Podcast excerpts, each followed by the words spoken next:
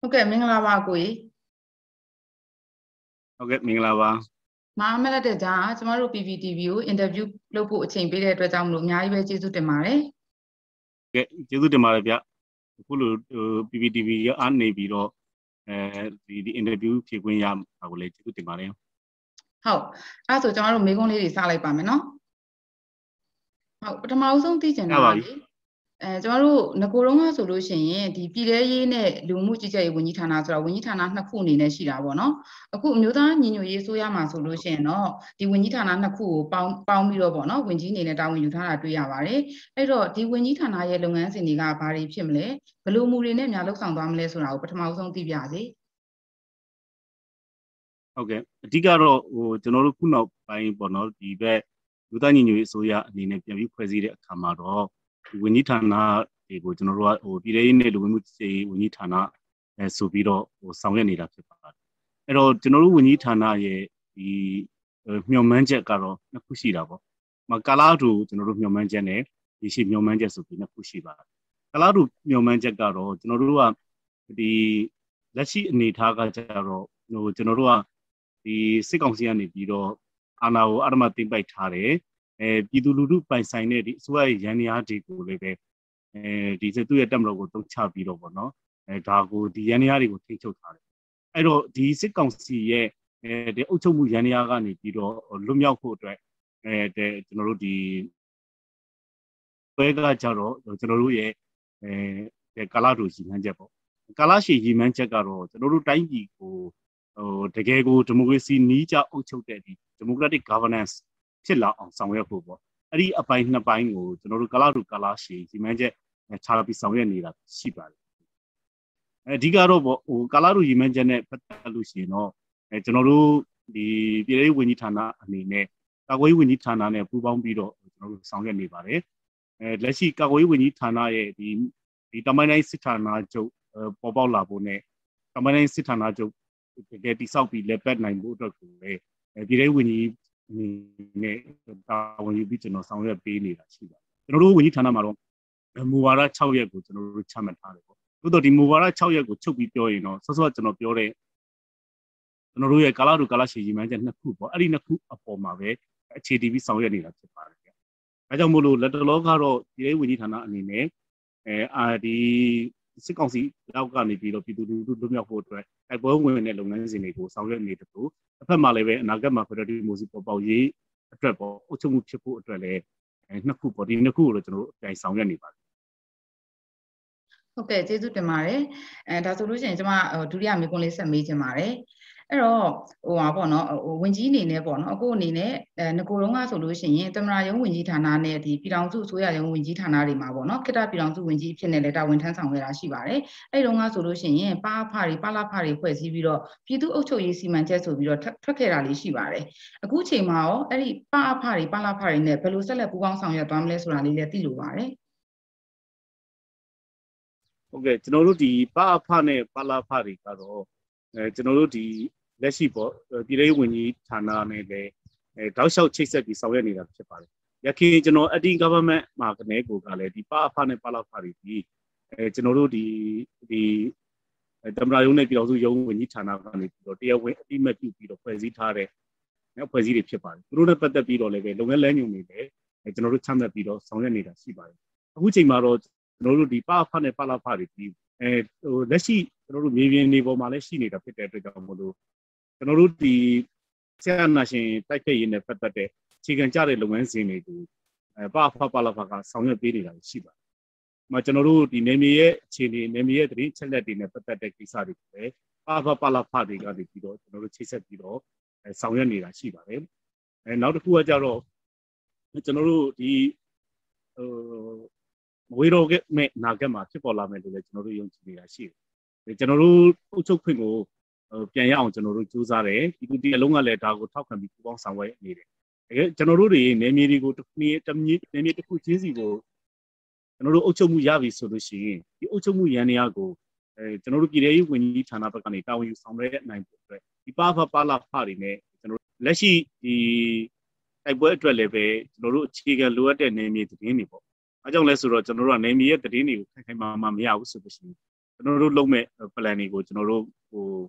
ဟို strategy ဆွဲရတာခက်တယ်ဒါကြောင့်မို့လို့ဒီလိုနေမြေသတင်းချက်လက်တွေရရှိဖို့ကိုလည်းကျွန်တော်တို့ပါလာဖတွေနဲ့ချိတ်ဆက်ပြီးဆောင်ရွက်နေပါတယ်အဲဒုတိယတစ်ခုကကြတော့ကျွန်တော်တို့လွတ်မြောက်နေမြေထူထောင်လာနိုင်မယ်ဆိုလို့ရှိရင်ဒီလွတ်မြောက်နေမြေတွေမှာအုပ်ချုပ်ရေးကိုအစားထိုးသွားဖို့အတွက်ကျွန်တော်တို့ပါလာဖတွေရဲ့လုပ်ငန်းစဉ်မူဝါဒတွေလည်းကျွန်တော်တို့ပြင်ဆင်နေပါတယ်ထို့တူတူပဲပါဖပါလာဖတွေတည်တင်တည်ထိုက်တဲ့အဲကိစ္စရက်တွေကိုဒီ online channel ကိုအသုံးပြုပြီးတော့အဲကျွန်တော်တို့ဒီ training တွေပေါ့သင်တန်းတွေ ဆောင်ရွက်ဖို့ဒီဒီဒီကျွန်တော်တို့အလုပ်ဆွေးနွေးပွဲတွေဆောင်ရွက်ဖို့လည်းလည်းစင်းနေဖြစ်ပြီးတော့ကျွန်တော်တို့ပြင်ဆင်ဆောင်ရွက်နေပြီဖြစ်ပါတယ်ဟုတ်ကဲ့ကျေးဇူးပါပြည့်စုံစုံဖြေကြားပေးတဲ့အတွက်ကြောင့်မလို့ကျေးဇူးတင်ပါတယ်အဲကျွန်မနောက်တစ်ခုထပ်သိချင်တာကပေါ့နော်အဲဒီမကြာခင်ကပဲလေပြည်ထရေးနဲ့လူမှုကြီးကြပ်ရေးဝန်ကြီးဌာနအနေနဲ့ပေါ့နော် website လေးလွှင့်တင်ခဲ့တာတွေ့ရပါတယ်ဒီမှာဆိုလို့ရှိရင်စစ်ကောင်စီရဲ့တရားမဲ့ပြုကျင့်မှုတွေကိုတိုင်ကြားနိုင်တဲ့အစီအစဉ်တစ်ခုလည်းပါဝင်လာတာထူးထူးခြားခြားတွေ့ရပါတယ်အဲ့တော့အခုဆိုလို့ရှိရင်အဲ့ဒီ အတွက်ပေါ့နော်အဲ့ဒီစစ်ကောင်စီကိုတရားမဲ့ပြုကျင့်မှုတွေတိုင်ကြားတာမျိုးတွေအခုစပြီးတော့ရှိနေပြီလားအဲပြည်သူတွေစီကတိုင်ကြားစာတွေရနေပြီလားပေါ့နော်ပြီးတော့အဲ့လိုတိုင်ကြားမှုတွေနဲ့ပတ်သက်ပြီးတော့တရားမျှတမှုရဖို့အတွက်ဆိုလို့ရှိရင်ဘယ်လိုဆက်လက်ဆောင်ရွက်သွားဖို့အစီအစဉ်ရှိသလဲဆိုတာလည်းသိလိုပါတယ်ဟုတ်ကဲ့ဟိုဒီမိကုန်းမေးပြတဲ့အတွက်လည်းကျေးဇူးအများကြီးတင်ပါတယ်ကျွန်တော်တို့ဒီ website ကိုတော့ပြီးခဲ့တဲ့နှစ်ရက်လောက်ကနေပြီးတော့ဟိုကျွန်တော်တို့စတင်ပြီးတော့ public ကို launch လုပ်ခဲ့တယ်ပေါ့ ဒီ website launch လုပ်တဲ့အချိန်မှာကျွန်တော်တို့ပထမဆုံးဆောင်ရွက်တဲ့လုပ်ငန်းစဉ်ကအခုမေးသွားတဲ့လုပ်ငန်းစဉ်တွေ။အဲကြောင့်လဲဆိုတော့ကျွန်တော်တို့အနာသိန်းတဲ့နေ့ကနေစပြီးတော့ပြည်သူလူထုကဒီနေ့အချိန်ထိအကြမ်းမဖက်တဲ့နီးနဲ့သူတို့ရဲ့ဆန္ဒတွေကိုဖော်ထုတ်ခဲ့ကြတယ်။ဒါပေမဲ့ဒီပေါ်မှာစစ်ကောင်စီကအကြမ်းဖက်မှုတွေများစွာဆောင်ရွက်ခဲ့ကြတယ်။ဟောအဲ့တော့ဒီနေ့ဆိုလို့ရှိရင်အေးဆုံးမှုစင်းရင်ဟာကျွန်တော်တို့ AAPP ရဲ့စင်းအရဆိုရင်လည်းကိုက30နဲ့တယောက်ရှိသွားပြီ။ကျွန်တော်တို့ရဲ့စင်းတွေမှာလည်းရှိနေပါတယ်။ဒါတွေနဲ့ပတ်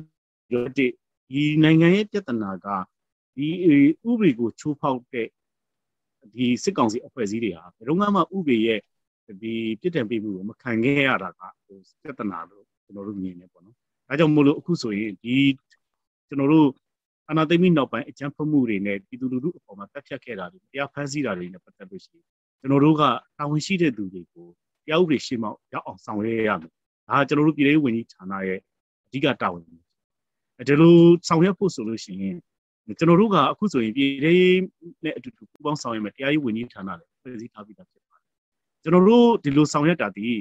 ကျွန်တော်တို့ကကိုယ်စိတ်လိုလက်ရနဲ့လက်စားချေတဲ့ပုံစံမျိုးနဲ့ဆောင်ရွက်တာလုံးဝမဟုတ်ပါဘူးဒါကြောင့်မို့လို့ကျွန်တော်တို့ကတရားရေးလုပ်ငန်းစဉ်တွေနဲ့အညီဆောင်ရွက်ဖို့အတွက်လည်း NUG အစိုးရကတရားရေးဝန်ကြီးဌာနဆိုတာကိုအခုဖွဲ့စည်းပေးခဲ့ပြီးဖြစ်ပါတယ်အဲ့တော့ဘာလို့အဲ့လဲဆိုရင်ဒီလူတွေသူတို့ရဲ့အဲကျူးလွန်ခဲ့မှုတွေကိုသူတို့ ဟိုဒီပေါ့နော်ထိုက်တဲ့နဲ့ပြစ်ဒဏ်တွေခံနိုင်ဖို့အတွက်ကတော့ကျွန်တော်တို့တရားရုံးကနေပြီးတော့အဲတရားစွဲဆိုတဲ့အဆင့်ကိုဆောင်ရွက်သွားပါအဲ့တော့အခုချိန်မှာတော့ကျွန်တော်တို့စီမှာတည်ဆုံးတဲ့သူတွေနဲ့ပတ်သက်ပြီးတော့စီးရင်တွေရှိကြတယ်ကျွန်တော်တို့ကိုယ်ပိုင်မှတ်ထားတဲ့မှတ်တမ်းတွေရှိဒါပေမဲ့အဲ့လောက်နဲ့မလုံလောက်ပါဘူးကျွန်တော်တို့ကတကယ်တရားရေးလုပ်ငန်းစဉ်အတိုင်းဆောင်ရွက်မှာဖြစ်တဲ့အတွက်ကြောင့်မို့လို့အသက်ဆုံးရှုံးခဲ့ရတဲ့မိသားစုတွေပေါ့နော်ဒီမိသားစုတွေဘက်ကနေပြီးတော့အဲကျွန်တော်တို့စီကိုတရားဝင်တိုင်ကြားဖို့ကလိုအပ်ပါ အဲ့တရားဝင်တိုင်ကြားမှုကျွန်တော်တို့ပြည်ထောင်ရေးဝန်ကြီးဌာနရဲ့ website ကိုရောက်ပြီဆိုရင်ကျွန်တော်တို့ဒီကနေတဆင့်အဲတရားရေးဝန်ကြီးဌာနနဲ့ပေါင်းဆက်ပြီးတော့အဲဒီဥစ္စာတွေနဲ့ပတ်သက်ပြီးကျွန်တော်တို့ဟိုတရားစွဲဆိုဖို့ကိစ္စတွေကျွန်တော်တို့ဆောင်ရွက်မယ်နောက်တစ်ခါကကြတော့ကျွန်တော်တို့ဒီလက်ရှိအခြေအနေကတရားစွဲဆိုမှုတွေလုပ်ပြီးတဲ့အခါမှာကျွန်တော်တို့အနေနဲ့ဒီတရားပြစ်ဒဏ်ပေးတဲ့သူတွေကိုအရေးယူဆောင်ရွက်မှုပုံတရံအပိုင်းမှာကျွန်တော်တို့ပြည်တွင်းပုံတရံအနေနဲ့ကျွန်တော်တို့ဆောင်ရွက်လို့ရတဲ့နည်းလမ်းနဲ့ဆောင်ရွက်မှာဖြစ်တယ် နိုင်ငံတကာမှာလည်းပဲကျွန်တော်တို့ဒီ Interpol လို့ခေါ်တဲ့ International ဒီ police ဒီ organization တွေနဲ့ချိတ်ဆက်ပြီးတော့လည်းကျွန်တော်တို့ဆောင်ရွက်ဖို့ဒီအတွက်ကြောင့်လည်းပဲအခုကျွန်တော်တို့ကလက်တလုံးလိုအပ်နေတာကပြည်သူလူထုကနေဝိုင်းပြီးကူညီပေးဖို့လိုတယ်ကျွန်တော်တို့မိမိပတ်ဝန်းကျင်မိမိရက်ွက်ထဲမှာတကယ်ကိုအသက်ဆုံးရှုံးနေကြတဲ့သူတွေရှိနေတယ်ဆိုရင်ကျွန်တော်တို့ပြည်ထောင်ဝင်ကြီးဌာနရဲ့ website မှာရဖို့ကျွန်တော်ဒီနေရာနေပန်ကြားခြင်းနောက်တစ်ခုကကြတော့ဒီအချက်ဖတ်မှုတွေမှာဆုံးရှုံးသွားခဲ့တဲ့ မိမိရဲ့အိုးအိမ်နဲ့ပတ်သက်တဲ့ပစ္စည်းတွေဥပမာပေါ့အိမ်တွေကားတွေဒါတွေနဲ့ပတ်သက်လို့ရှိရင်လည်းကျွန်တော်တို့စီမှတ်တမ်းတွေပြုပေးစေချင်။ဘာကြောင့်လဲဆိုရင်ကျွန်တော်တို့ပြည်သူလက်ထဲကိုပြည်သူအာဏာပြန်ရောက်တဲ့တမိမှာဒီကိစ္စတွေအကုန်လုံးကိုကဘာမှလည်းအဲဟိုထုံးစံရှိပါတယ်။ဟုတ်တယ်အတူတူမှုဆိုင်ရာတရားမျှတရေးဆိုင်ရာကိစ္စရက်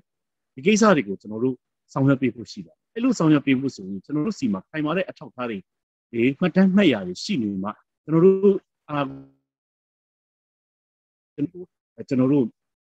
အချိန်ပဆိုင်မဲ့ချက်ချင်းဆောင်ရွက်နိုင်မှာဖြစ်တဲ့အတွက်ကြောင့်မို့လို့ဟိုကျွန်တော်ထပ်လောင်းပြီးပန်ကြားခြင်းပါတယ်အဲကျွန်တော်တို့စီကိုအသက်အိုးဆုံးဆုံးခဲ့တာတွေရှိလို့ရှိရင်တိုင်ကြားပေးနေခြင်းတယ်လို့ဒါလေးကိုကျွန်တော်အမျိုးမျိုးတိုင်ကြားခြင်းတော့ဖြစ်ပါတယ်။ဒါဆုံးသွားခဲ့တဲ့မေယူတော်လန်ရေးသူရဲ့ခေါင်းနေပူစားကျွန်တော်တို့စီကိုတိုင်ကြားပေးကြပါလို့ပြောချင် ဟုတ်ကဲ့ပါအဲဒီသတင်းစကားကတော့ပြည်သူတွေအတွက်လည်းဟိုသိလို့နေတဲ့ကိစ္စလည်းဖြစ်ပါတယ်ဟိုဟိုအကိုပြောသလိုပဲပေါ့နော်လက်စားချီတာမဟုတ်တော့ညာလဲကျမတို့တရားမျှတမှုကတော့ပြန်ရဖို့လိုတဲ့အတွက်ကြောင့်မလို့ဒီလိုလေးစီမံဆောင်ရွက်ပေးတဲ့ကိုတို့ပြည်ထောင်ဝန်ကြီးဌာနကိုလည်းပြည်သူတွေကိုစားကျေးဇူးတင်ပါတယ်အဲအခုကတော့နောက်ဆုံးမေးခွန်းလေးပါ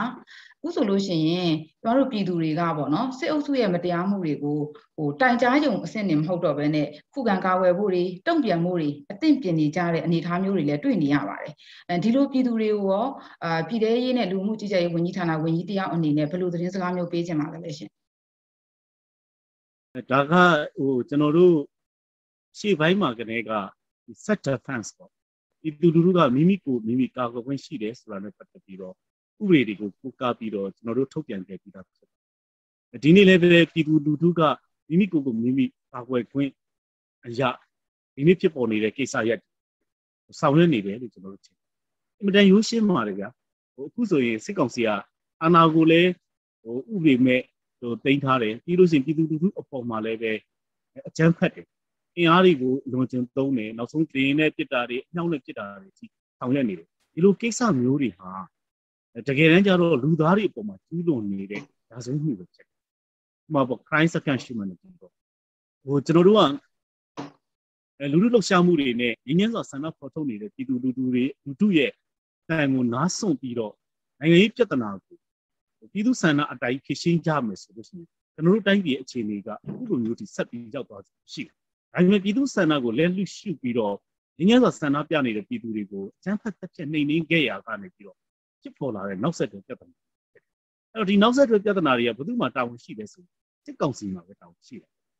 အဲ့တော့အခုဆိုလို့ရှိရင်ကျွန်တော်တို့ကပြည်သူလူထုကကိုယ့်ကိုယ်ကိုကာကွယ်နေကြရတယ်အဲ့တော့ကိုယ့်ကိုယ်ကိုကာကွယ်နေနေဖြစ်ပေါ်လာတဲ့ပြဿနာတွေအကုန်လုံးဒီစစ်ကောင်စီမှာလည်းတာဝန်ရှိတယ်ဒါကြောင့်မို့လို့ပြည်သူလူထုကိုပြောချင်တာတိတ်ချက်ကျွန်တော်တို့ပြည်သူလူထုရဲ့အာကိုယ့်ကိုယ်ကိုခုပြန်ကာကွယ်နေတာဖြစ်တဲ့အတွက်ကြောင့်မို့လို့ဟိုစိတ်ဟိုကျွန်တော်ကျင့်ဝတ်ပိုင်းဆိုင်ရာအရာလည်းမှန်တယ် ဥရိရှူတောင်ဘက်ကလည်းကြည့်မယ်ဆိုလို့ရှိရင်မှန်တယ်တစ်ဖက်ကလူခွေးနဲ့ဒီမိုကရေစီနဲ့ဖက်ဒရယ်ဒီမိုကရေစီရေးရပြောမယ်ဆိုရင်လည်းဒါဟာတော်လှန်ရေးပဲဖြစ်တယ်ကျွန်တော်တို့ပြည်သူအာဏာပြည်သူတစ်ထက်ကိုပြန်ရောက်ဖို့အတွက်အဲပြည်သူလူထုနဲ့ကျွန်တော်တို့ဒီတိုင်းသား EO အဖွဲ့အစည်းတွေအဲကျွန်တော်တို့ဒီ NUG အစိုးရနဲ့ဒီမိုကရေစီအင်အားစုအားလုံးကပူးပေါင်းပြီးတော့ဆောင်ရွက်ရမယ်တော်လှန်ရေးလည်းဖြစ်တဲ့အတွက်ကြောင့်မို့လို့ဒါဟာမှန်ကန်တယ်ဆိုတာကိုပြည်သူလူထုကနေ့လေးယုံကြည်ဖို့လိုတယ်ညလေးယုံကြည်ဖို့လိုစင်စက်မပြတ်ဒီတော်လှန်ရေးကို ကြားတဲ့နည်းနဲ့ဆက်ပြီးတော့ပူပေါင်းဆောင်ရွက်ပေးဖို့လို့ပြောနောက်ပြီးတော့အခုလက်ရှိအခြေအနေတွေကိုပြန်သုံးသပ်ကြည့်မယ်ဆိုရင်အဲကျွန်တော်တို့ရဲ့ဒီနိုင်ငံတကာကကျွန်တော်တို့ပြည်သူလူထုအပေါ်မှာထောက်ခံရက်တည်မှုတွေကဒီအပိုင်းထဲမှာဆိုရင်တော်တော်တိတိတာတာကိုတိုးတက်ပြောင်းလဲလာပြီဥမာကျွန်တော်တို့ဂျပန်ကနေပြီးတော့စစ်ကောင်စီကိုအတိမတ်မပြုဘူးဆိုတာတွေဒီအမေရိကန်အနေနဲ့မြို့သားညီညွတ်ရေးအစိုးရဆိုပြီးတော့တရားဝင်စပြီးတော့သုံးဆက်လာတာတွေဟာနိုင်ငံရေးအရာကျွန်တော်တို့ပြည်သူ လူထုလိုချင်တဲ့ဘက်ကိုတဖြည်းဖြည်းရွေ့လာနေဆိုတာကိုအဲကျွန်တော်တို့ဒီနေရာကနေပြီးတော့အဲ့မှာပြောချင်တယ်အဲကျွန်တော်တို့ပြည်ထောင်ဝင်ကြီးဌာနနဲ့အဲကာကွယ်ရေးဝန်ကြီးဌာနအနေနဲ့လည်းပဲကျွန်တော်တို့လုပ်ရမယ့်လုပ်ငန်းစဉ်တွေကိုကျွန်တော်တို့စနစ်တကျပြင်ဆင်နေပါတယ်တိတ်မွေးတော့တဲ့အနာဂတ်တစ်ခုမှာကျွန်တော်တို့ပြည်သူလူထုရဲ့လိုချင်တဲ့ဆန္ဒတွေကိုပေါ်ဆောင်ဖို့အတွက်အဲကျွန်တော်တို့ပြင်ဆင်မှုတွေဟာအဲတော်တော်ကိုကြီးမြောက်နေပြီဆိုတာလေးကိုလည်းဒီနေရာကနေပြီးတော့သတင်းစကားပါချင်ပါတယ်နေ့စဉ်ပြည်သူလူထုရဲ့ ဒီဒီစစ်ကောင်စီအကြမ်းဖက်လှုပ်ရှားမှုမှာပြည်သူလူထုကနေ့စဉ်တိုက်ပွဲဝင်နေတဲ့ပေါ်တွေမှာလည်းကျွန်တော်တို့ဂုဏ်ယူပါတယ်ပြည်သူလူထုနဲ့အတူကျွန်တော်တို့လည်းနေ့စဉ်ဒီတိုက်ပွဲကိုဝင်နေပါတယ်ဥပမာကျွန်တော်တို့ PDF တင်တဲ့စင်ပွဲတွေကိုရောက်တဲ့အခါကျရင် PDF ရဲဘော်တွေရဲ့တစ္ဆာတိနဲ့လေးချက်ပါပါတယ်ဖက်ဒရယ်ဒီမိုကရေစီတိုက်ပွဲအတက်မိမိတို့ရဲ့အတက်ကို